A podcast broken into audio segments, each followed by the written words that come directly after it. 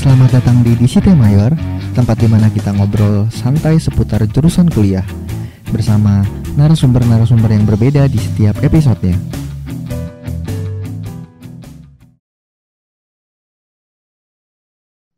Halo, selamat datang di DCT Mayor. Balik lagi bareng gue Ernest. Gue Adrian. Di episode kali ini kita akan membahas tentang jurusan seputar kelistrikan. Itu teknik elektro. Teknik elektro, hati-hati lo kesetrum. Ini kalau kita ngomongin teknik ele- elektro yang ada di benak lu tuh apa? Eh, PLN langsung ya, PLN. Iya sih ya. Listrik pokoknya. Iya, pokoknya listrik lah, pokoknya listrik lah berhubungan dengan listrik. Nah, ini biar kita ngelurusin asumsi kita. Kita sudah menghadirkan mahasiswa jurusan teknik elektro yaitu Valen Dwi Cahyo, Niko Valen Dwi Cahyo dari Universitas Gajah Mada. Wede, selamat datang Valen. Ya, selamat datang, selamat datang. Eh, lu udah lulus juga ya? Udah bukan mahasiswa ya sekarang? Ya, kan nanti resminya nanti November. Oh ya, resmi lulus itu maksudnya resmi udah nggak jadi mahasiswa itu nanti November ya? Iya, masih bulan depan. Oh iya iya iya. Kesibukan belakangan ini ngapain Len? Di masa pandemi? Oh, dari awal apa? Dari awal pandemi, ya gue berusaha, ya kalau gue sama tim skripsian ya berusaha buat nyelesain gitu. Meski nggak optimal, terus pas tiga bulan kemudian yang pas kita udah mulai new normal, kita udah mulai apa ke lab, kerjain kita nontasin semua datanya, sampai Agustus kita sidang, terus habis itu kita selesai revisi sampai sampai September selesai, terus kita ngurusin berkas-berkas aja berkas-berkas buat wisuda, terus gua ini apa, gua beres-beres barang-barang di kos ya biar balik kan karena pas akhir September kan gue balik terus ya udah gue tinggal langsung stay lagi di Tangerang Oke Dan oke. sambil ini sambil istirahat sambil nunggu ini nunggu kalau ada lowongan pekerjaan. Oh oke oke. Ada apa hobi baru yang muncul nggak Len selama pandemi ini? Kayak apa? Eh, misalnya ternak ayam kayak lu atau apa? Oh enggak ya kemarin kok cuma fokus di skripsi aja jadi nggak tahu ada hobi baru apa enggak. Oh berarti 100% fokus ke skripsi ya Len? Kirain lu mencari apa gitu, kesibukan apa? Tapi emang emang kayak pandemi ini membantu lu menyelesaikan skripsi dengan cepat, bener nggak Len? Enggak, sebenarnya kan nggak ham- ah, hambat karena kan ya kita harus ketemu dosen Oh, gitu iya, kan. Iya. Iya, itu itu kesulitannya ya di masa pandemi ini ya kesulitannya. Hmm. Kita kan juga apa ya bingung gitu kan. Kita nggak ini kita nggak bisa ke lab ngapain gitu. Hmm, iya ya, karena lu bener-bener kayak yang namanya teknik ya butuh itu ya, butuh apa ke lab segala macem, butuh Ah, diskusi juga sama teman-teman yang lain gitu ya mungkin ya. Nih ngomongin soal dari tadi teknik elektro mulu. Gue penasaran nih, lu beneran emang pengen teknik elektro dari awal atau enggak? Loh. Sebenarnya enggak. Karena ya dari mahasiswa apa dari siswa SMA Tangerang lah istilahnya itu UGM itu bukan pilihan utama yang pilihan pasti kalau nggak UI ITB dan Ya. awalnya itu ya gue bukan elek gue bukan elektro tapi gue mau ke ke Dirgantara ke FTMD ITB Oh, ITB. itu pertama kan ternyata emang sebenarnya semuanya di ITB kalau nggak Dirgantaranya di elektronya terus di apa di pertama di jalur undangan nggak terima Mhm. terus habis itu yang pas buat jalur tes tulis yang pertama tetap Dirgantara itu yang kedua ini elektro UGM ini dan yang Oke. ketiga tuh baru elektronya ITB Oke. Terus terus gimana gimana? terus ya habis sambil juga kan ya maksudnya kalau apes nggak keterima itu juga kan sebenarnya ngedaftar juga di Atma nah, di elektronya elektronya Atma keterima juga sih cuma pas pengumuman SPM ya keterimanya di situ apa di elektro GM Oh, oke oke. Nah, itu pertimbangan lu untuk ngambil UGM tuh apa, Len? Kenapa eh, dari Bandung terus tiba-tiba ada Jogja satu? Eh, sebenarnya pas nanya-nanya siapa rekomendasi eh, sempat diskusi sama papa juga kan ini atau enaknya gimana habis ITB apa ITB terus ngeliat ah, ini UGM agak lumayan juga sih jadi ya udahlah buat ini ya. buat jembatan aja kalau misalnya yang di ITB nggak terima nggak nggak- pertama kalau misalnya IT apa UGM apa memenuhi syarat langsung aja masuk situ dulu Oh, Oke. Tadi sempat dat- daftar Atma juga. Terus habis itu eh, ternyata pas pengumuman keterima ya di UGM ya. iya Oke, oke. Nah, terus eh, berarti gimana tuh? Eh, perasaannya langsung keterima SBM tuh wah. Apa lu udah yakin keterima SBM nih, Len? ya ya deg-degan lah apa kemarin pas ngerjain SB SBM tahu sendiri lah soalnya kadang nih pertanyaannya apa jawabannya kok tiba-tiba apa soalnya kayak gimana pertanyaannya aneh lagi kok tiba-tiba jawabannya lebih aneh lagi gitu Ya, ya, ya. Karena gue juga salah satu peserta SBM tapi tidak lolos. Kayaknya kita tesnya di hari yang sama, cuma beda tempat aja. Ah. Nah, kenapa elektro? Eh, yang pertama kan dari bokap kan nih ini kan orang elektro juga masih diploma kan jadi ya Oh. udah apa dan juga banyak pengalaman juga di dunia elektro maksud bukan di elektro di Klisti kan sih tapi elektro ke eh, siaran TV dan Ya. tentang telekomunikasi jadi ya ter apa ya, ya, tergugah juga lah masuk ke sana juga Oh, oke. Oke, Len. Len, belajar apa aja, Len, di elektro tuh, Len? Oh di elektro itu ya pertama biasa tentang uh, tegangan arus sama hambatan seperti itu terus Woi, oke. kemudian kita tingkatin lagi nih wah sebenarnya di di misalnya buat yang kelisti kan ya Ah, eh, pengiriman da, pengiriman listrik ke, ke ke rumah tuh sebenarnya nggak cuma satu ini nggak cuma satu tegangan nanti ada yang namanya kalau nanti teman-teman pelajari namanya tegangan tiga fase itu terus juga daya yang diterima itu juga ada yang menghasilkan panas ada terus itu bisa membuat boros apa energinya terbuang percuma sehingga oh, oke. harus kita pasang kayak semacam alat buat menghilangkan bukan kayak bukan kayak menghilangkan panas ya agar panasnya itu nggak terbuang dengan percuma kayak gitu. Itu yang di ketenagaan.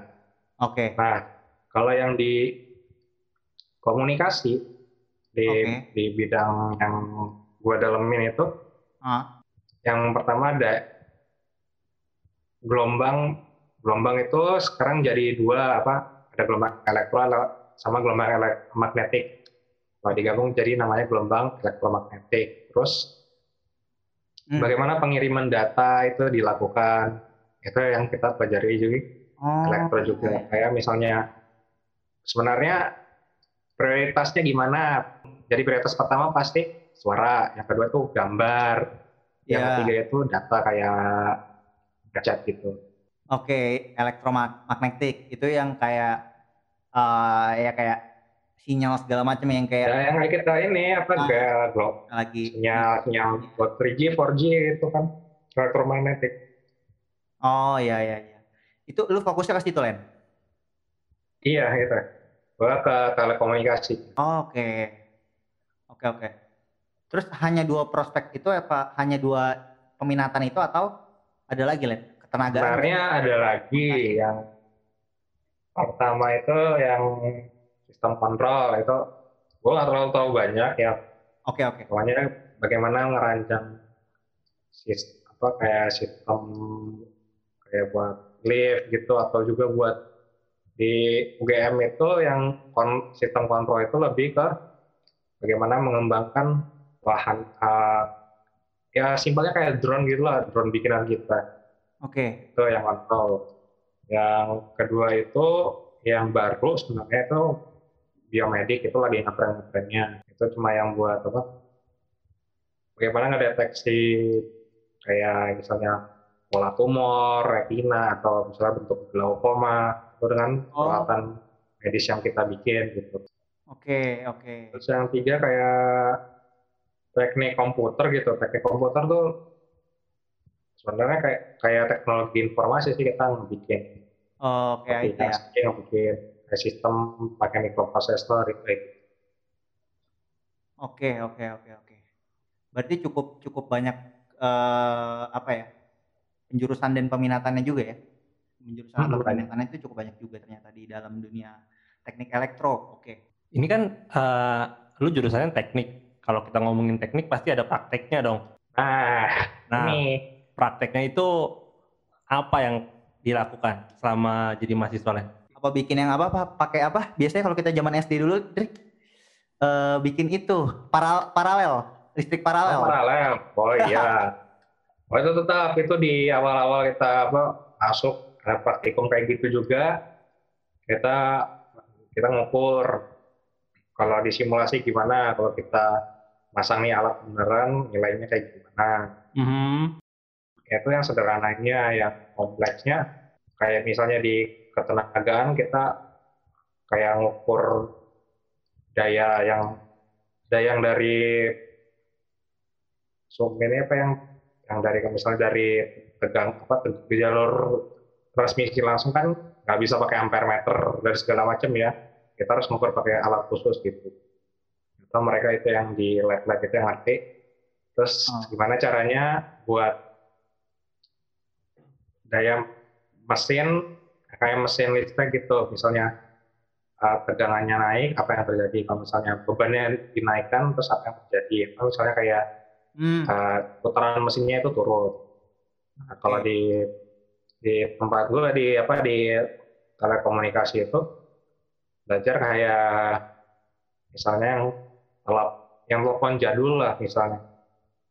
Nah, kalau misalnya semua jalurnya dipakai terus kita telepon apa yang terjadi? Itu yang pertama terus yang kedua itu oh tentang apa antena itu bagaimana perambatan bagaimana antena dengan konfigurasi Hmm. Uh, kalau misalnya antenanya lurus doang gitu perambatan gelombangnya gimana kalau misalnya antena kayak antena TV yang panjang gitu ya Oke. itu nanti perambatan gimana itu kita ada kayak pemodelannya kayak gitu terus kita juga ada yang ini juga cara mengirimkan data. Cara ya misalnya kalau teman-teman tahu lah yang ping ping ping itu itu juga kita pelajari. Ping Oh, satu itu dua lima lima. Kayak kayak Dota kayak Dota. Kalau tahu Dota kan. Oh, oke. Sebenarnya berarti ya kalau misalnya kayak teknik elektro ini emang bener-bener maksud gue tuh ya di mana-mana zaman sekarang tuh ya listrik, hubungannya listrik gitu. Kayak di berbagai ini ya, di berbagai sektor gitu. Di berbagai sektor pasti kayak ya listrik itu jadi satu ini utama ya. Kayak ya waktu kapan tuh ya? Eh yang waktu itu loh, yang di Pulau Jawa hampir seluruh Mati masal itu. Nah, itu kan gara-gara apa tuh? Yang di mana ya? Pusat listrik itu di mana ya? bukan itu kan sebenarnya bukan masalah di situnya apa dia ada jalur transmisi di Jawa Tengah Ah, iya itu. terhambat sama pohon ini apa, kabelnya tuh kehalang sama pohon oh jadi karena pohon Len. karena pohon karena pohon kita kayaknya kurang di ini kurang diperhatikan gitu jadi mengganggu ini mengganggu kabel transmisi Oke. Terus lu lu tahu tuh siapa yang nanam pohon di situ? oh enggak dong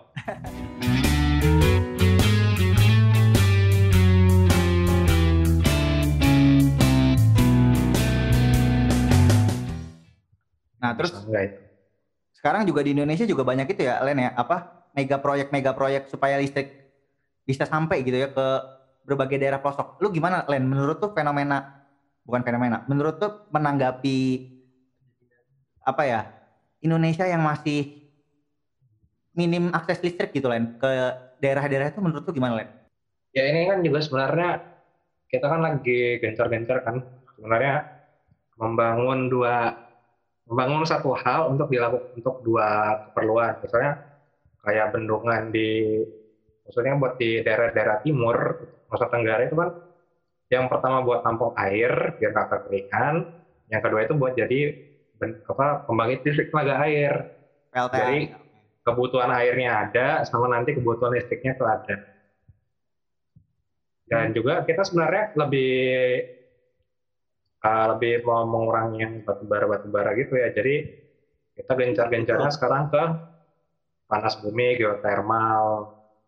Itu sebenarnya sebenarnya kebutuhannya kita mencari benar-benar mencari sumber daya kita tuh ada sumber daya kita buat listrik tuh ada cuma memang belum uh, dimaksimalkan atau mungkin peralatannya belum ada sehingga uh, kebutuhan listriknya tuh masih belum nyampe sebenarnya belum nyampe sepenuhnya kita sumber daya banyak cuma tinggal uh, niatnya ini memasang jaringan buat semua masyarakat tuh uh, masih agak terkendala dengan ya yang pertama tadi biaya karena kalau mau masang di daerah-daerah jauh kan sebenarnya mahal banget.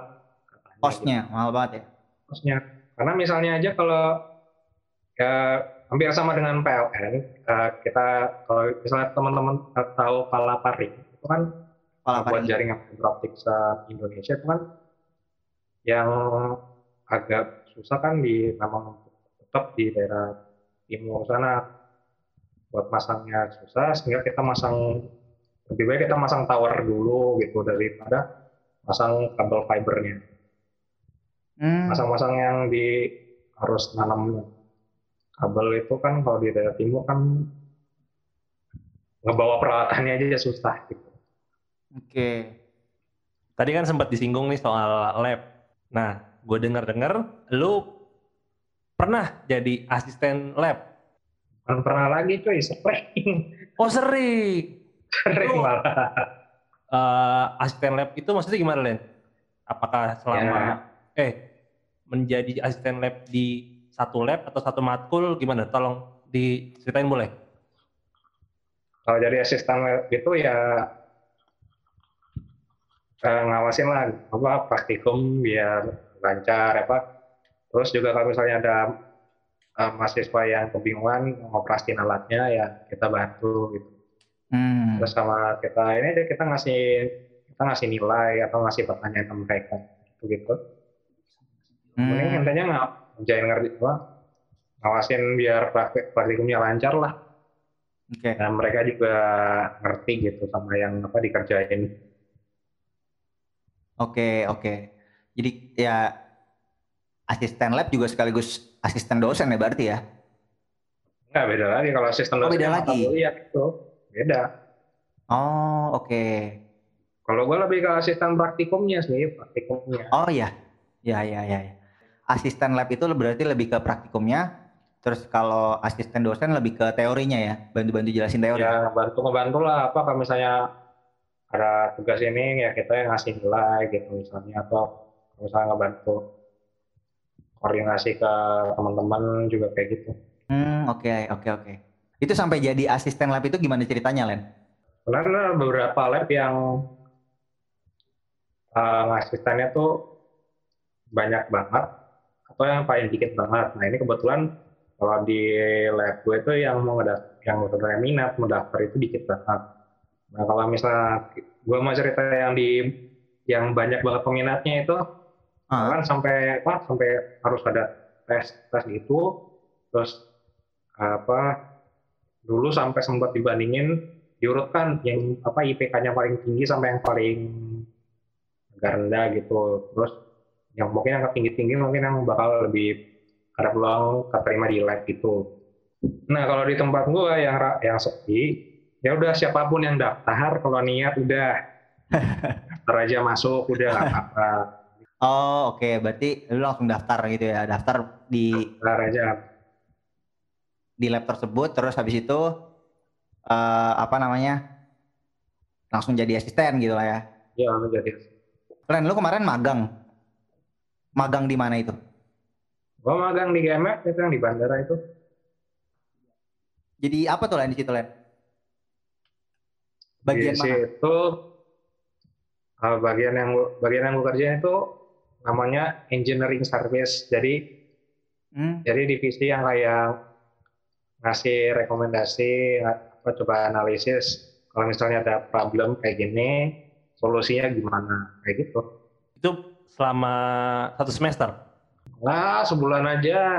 Oh, sebulan toh. Heeh. Di UGM kalau misalnya magang itu ada batas waktu minimalnya atau maksimalnya gitu nggak Len? Atau Nah, di UGM itu kan tergantung mesti. Kita sebenarnya ada juga kayak magang bersertifikasi dari PLN itu enam bulan itu itu terprogram sama PLN sih. Cuma kalau yang misalnya magangnya minat dari yang dari mahasiswa itu sendiri itu kadang sebulan, sebulan pas lah, sebulan lewat lebih atau misalnya dua bulan. Paling paling lama sih dua bulan, antara sebulan sampai dua bulan. gitu. hmm oke oke oke sebulan atau dua bulan ya? Iya, sebulan sampai dua bulan. Oke Karena kan motong masa kuliah, bos. Agak capek Iya. juga kita nanti nyusulnya. iya juga sih bener. Len di UGM ini kan kampus negeri. Yang di mana yang gue tahu kampus negeri itu ada KKN. Nah, kuliah kerja nyata. Kalau lu sempat nggak ngalamin KKN? Bahkan masih wajib KKN. Kan terakhir lah ini sebelum yang sebelum pas pandemi itu. Oh, gimana tuh ceritanya? Dan di mana? Enggak kan, ya gue KKN Juni, dua- Juni 2019 kemarin. Ah, Ya sebagai yang agak kurang minat sama KKN ya KKN daftar-daftar aja di daerah sekitar Jogja. Ya. ya sambil nunggu lah acak daerahnya. Terimanya di Tanjung Sari. Itu selatannya Wonosari. Oh, lu bikin project apa tuh selama KKN? Soalnya, ya kayak yang tadi dibilang sama Eres pertama itu loh kolam lele. Oh. Ya ternak ternak peternak lele Iya, atau peternak ayam gitu. Kita bikin kolam lele dari nol. Kita ngegali sampai berapa meter kita mencahin batu-batu. Uh Google itu. Karena batu semua isinya itu dalamnya. Cuma bikin kolam lele doang Len? Nggak bikin apa gitu? ya kita bikin kolam lele terus apa eh, kayak pengolahan ngolah bahan apa kayak sam- sampah organik itu jadi bahan pangan buat sapi gitu biar nggak kekurangan makan Oh mengolah sampah. iya mengolah sampah gitu jadi jadi buat ternak sapi iya Oh gimana tuh maksudnya eh, teknisnya kayak apa? Contohnya contohnya gimana? Contohnya tuh misal misal yang terakhir gue ingat ya misalnya kayak jerak kayak bekas jerami kita siram sama larutan namanya silase terus kita kasih dedak terus kita uh, terus kita fermentasi kira-kira berapa ya tiga minggu kayaknya terus kita buka terus jadi kayak pakan gitu buat pakan buat uji buat pakan sapi Oh dedak. Terus habis itu kayak ada cairan apa silase tadi ya lu bilangnya? Iya namanya silase Oke jerami ya jerami dedak silase itu difermentasi dulu. Terus Ah. ditunggu tiga minggu baru jadi tuh pakan ternak tuh untuk sapi. Iya kak. Ya terakhir terakhir sebelum kita ninggalin tempat KKN ya masih buat ini apa tempat eh, masih buat uji coba gitu buat sapinya. Oh oke oke oke. Lu selain uh, menjadi asisten lab, kegiatan di luar kampus atau di luar akademik apa nih yang lo lakuin? Ya, ya paling di sekitar kos ya ini apa? Ya nanya kita ini masuk lingkungan mana ya udah paling banter ya buat tugas skor di gereja itu aja. Oh oke. Tugas skor paling enggak terus buat ngebantu kor buat tim tim mahasiswa, mahasiswa juga ikut kor gitu bantu-bantu aja. Oke cukup aktif di eh, kegiatan eh, gereja juga ya berarti ya. Lu pernah ikut lomba juga nggak sih Len? Lomba, gue ikut lomba cuma apa ya itu di luar ini apa? Di luar di luar teknik, di luar hal-hal yang teknik. Ah, lomba apa tuh, Ren?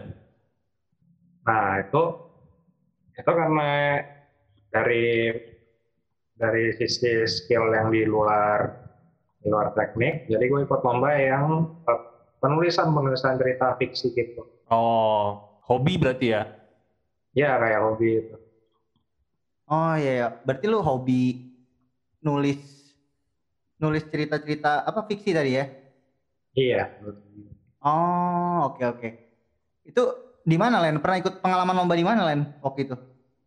Eh, pengalaman kalau lom, kalau lomba kan seringnya kan cuma ya udah bayar terus kita kirim udah terus kalau misalnya lomba yang langsung itu ya terakhir yang dua tahun lalu di Madalan itu Heeh. Itu lomba maksudnya berarti menulis cerita fiksi gitu. ya berarti itu nulisnya itu langsung langsung di tempat Oh, kita kita capek laptop lah kita nulis berapa, jam ya kemarin 6 jam sih ngaku wah. Juara berapa Len? juara itu untuk yang regionalnya juara satu untuk yang nasionalnya juara tiga. Untuk regionalnya juara satu, regional Yogyakarta berarti ya. ya regional Yogyakarta juara satu nasionalnya juara tiga Nasionalnya juara tiga. Berarti udah ya sampai tahap kan itu kan lombanya kan kan mbak kan di yang nasional kan juga diadanya di Yogyakarta gitu Oke. jadi di tempatnya ju- tempatnya juga sama Oh, oke. Wah, berarti nih lombanya maksudnya lomba ting- eh, tingkat besar juga ya, lumayan besar juga ya. ya Sampai ada regional, sampai ada nasional gitu. Oke. Tapi kalau misalnya jurusan teknik elektro itu ada lomba-lomba juga nggak, Len? lomba banyak sih sebenarnya selain lomba juga kita ada kayak eh, buat buat kita ngebikin kayak wahana apa kayak drone sendiri atau kayak pesawat tempur sendiri itu kita ada yang bagian atau misalnya mobil listrik sendi- mobil sendiri itu kita ada yang bagian yang buat buat rangkaian sistem kontrolnya buat apa elektrikalnya gimana terus atau misalnya kayak kita kalau misalnya mobil kalau misalnya tahu Arjuna atau Bima Sakti kita misalnya eh, Arjuna deh yang apa yang kita yang yang buat mobil listrik uh, ngerancang dia baterai jaring apa uh, layout dari sirkuit ke mo ke motor sirkuit motornya gimana biar optimal dan ya enggak ini enggak mudah jebol gitu Oh, oke. Kalau di UGM ini ada yang lomba-lomba robotik gitu nggak sih? Oh, lomba robotik. Wow.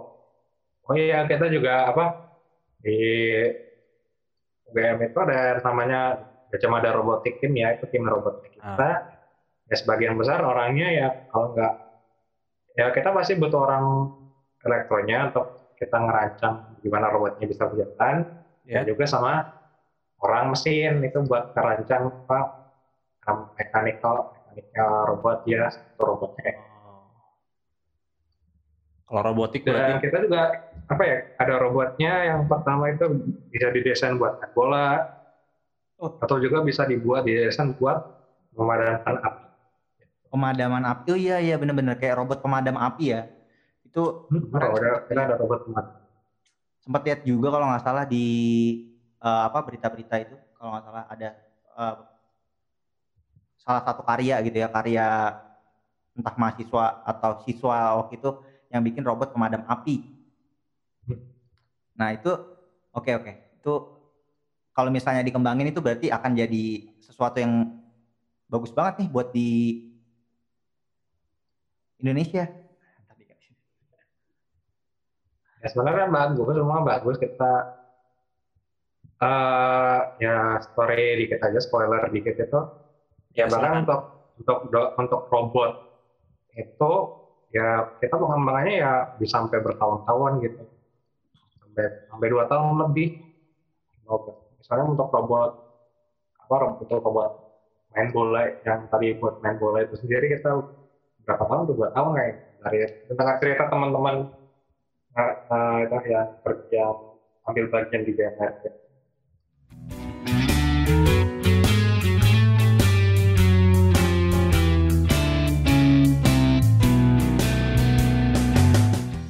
dari tadi kita udah ngomongin lomba, lomba mulu. Kita mau pindah ke kegiatan yang lebih serius, yang menghasilkan duit kerjaan. Nah, kalau di teknik elektro nih, prospek kerjanya gimana sih?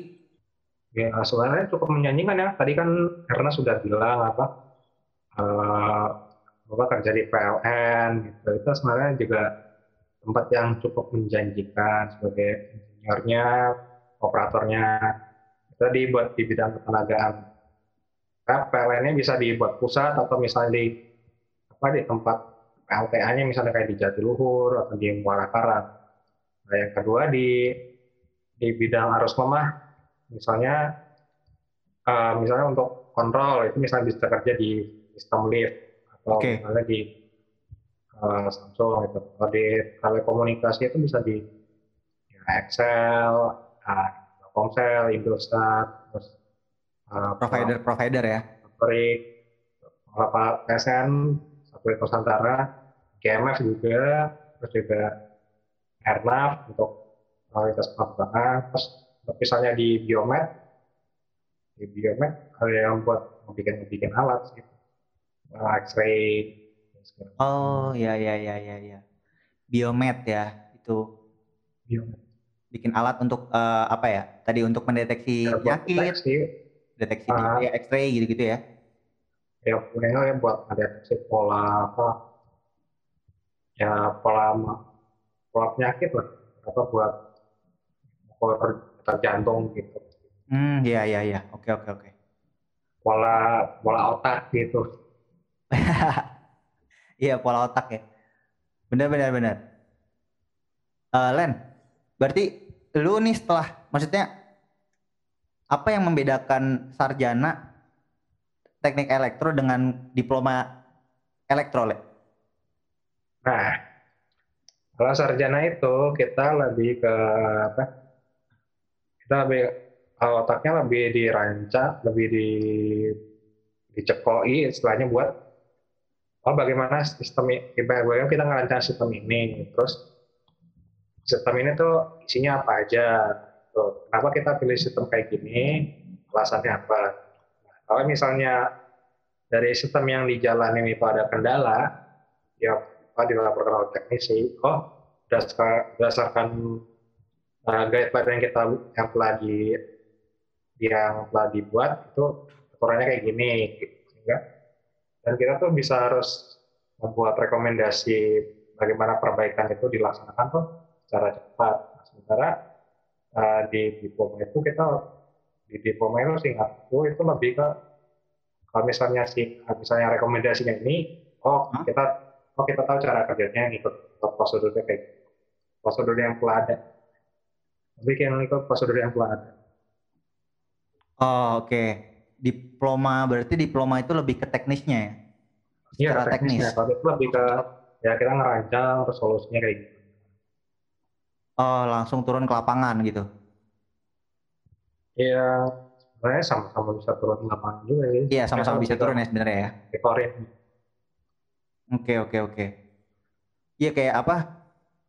Tukang listrik yang sering datang ke rumah itu listrik gitu ngitung-ngitung itu ngitung meteran lagi kalau ya kalau mau perbandingan langsung yang kalau misalnya kayak pekerja apa ada mobil PLN lihat di apa dekat yang kita perbaikin apa itu mungkin ke diplomanya nah sementara mungkin mungkin untuk orang sarjananya ngelihat oh ini jaringan listriknya bermasalah oh di jalur mana itu lurusnya gini gini gini gitu. Nah, oke. Okay.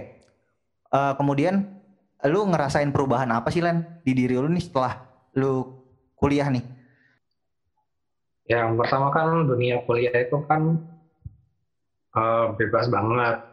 Tapi gimana caranya kita bisa dari kebebasan yang tak terbatas itu kita bisa kontrol diri lah untuk uh, membagi waktu misalnya ya kuliah kuliah habis itu kita ngerjain tugas baca tugas habis itu atau habis itu ya terserah mau main ke mana itu kan sebenarnya terserah terserah semua orang tapi kan dari diri kita sendiri yang sebenarnya berhak buat atur jadi yang pertama itu buat eh, gimana sih kita bisa disiplin sama diri sendiri. Terus yang kedua ya, pokoknya disiplin ngebagi waktu sama huh? yang prioritas lah. Kalau misalnya emang gak emang misalnya nggak kuat di apa kayak masuk himpunan ya udah. Nggak ada nggak ada masalah gitu loh kita sama-sama masuk mana murni di akademik juga nggak masalah ada ikut praktikum juga nggak masalah atau atau ikut semuanya tapi ikut uh, organisasi juga nggak masalah yang penting gimana caranya kita bisa membuat diri kita enjoy gitu Jadi maksudnya carilah diri lu eh, kegiatan yang senyaman mungkin buat diri kita. iya gitu. kegiatan yang kita yang sesuai ini lah sesuai minat.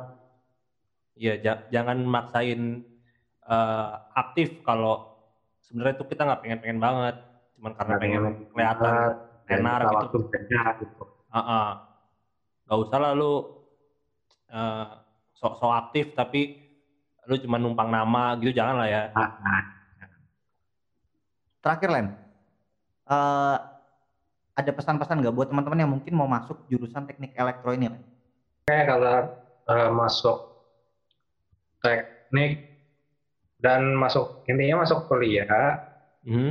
itu stereotip teman-teman harus diubah benar-benar ya jangan sampai kita masuk kuliah itu masih mengandalkan yang namanya cheat sheet apa istilahnya persamaan ini rumusnya gimana itu itu nggak berlaku lagi di dunia kuliah yang Ya. terpenting di dunia kuliah itu ada masalah kita bisa menganalisisnya gitu. Bukan cuma pakai ada contek-contekan. Oke, itu terus yang kedua kalau misalnya teman-teman mau masuk dunia teknik ya silakan perkuat dengan dunia apa dengan eh, perhitungan fisika dan matematikanya dengan segala kerumitannya karena itu sebenarnya di teknik itu ya buat di teknik di luar negeri oke, itu banyak itu bakal banyak banget sama matematikanya dan di sini juga bukunya nggak akan bukunya sebagian besar nggak akan pakai buku bahasa Indonesia atau sebagian pakai buku yang bahasa Inggris jadi ya segera inilah ya iseng-iseng belajar bahasa Inggris mau ikut les online atau mau pakai belajar aplikasi yang misalnya kayak Duolingo atau apa pun itu yang penting bisa meningkatkan kemampuan bahasa Inggris teman-teman oke. Duolingo ya tadi yang lu bilang ya? Ya itu Duolingo Iya, gue juga lagi main soalnya. Yang itu ya apa yang Bro Hanto itu Ya, ya, ya, benar, benar, benar. Itu itu eh, aplikasi yang cukup bagus juga sih menurut gua untuk kita belajar bahasa Inggris ya. Cukup membantu lah untuk belajar bahasa Inggris ya. Jadi tingkatin bahasa Inggrisnya untuk eh, bisa masuk ke kampus impian teman-teman. Nah itu salah satu ya syarat wajib lah. Anggap aja sebagai syarat wajib ya. Meskipun sebenarnya nggak wajib juga, nggak tertulis. Cuman eh, setidaknya kembangin kemampuan bahasa Inggris itu baik gitu ya. Mengembangkan kemampuan bahasa Inggris itu sangat oke terima kasih nih Len. Ngobrol-ngobrol hari ini seputar teknik elektro. Gua Ernest. Dan gue Adrian. dan gue Valen kita pamit undur diri. Terima kasih. Bye.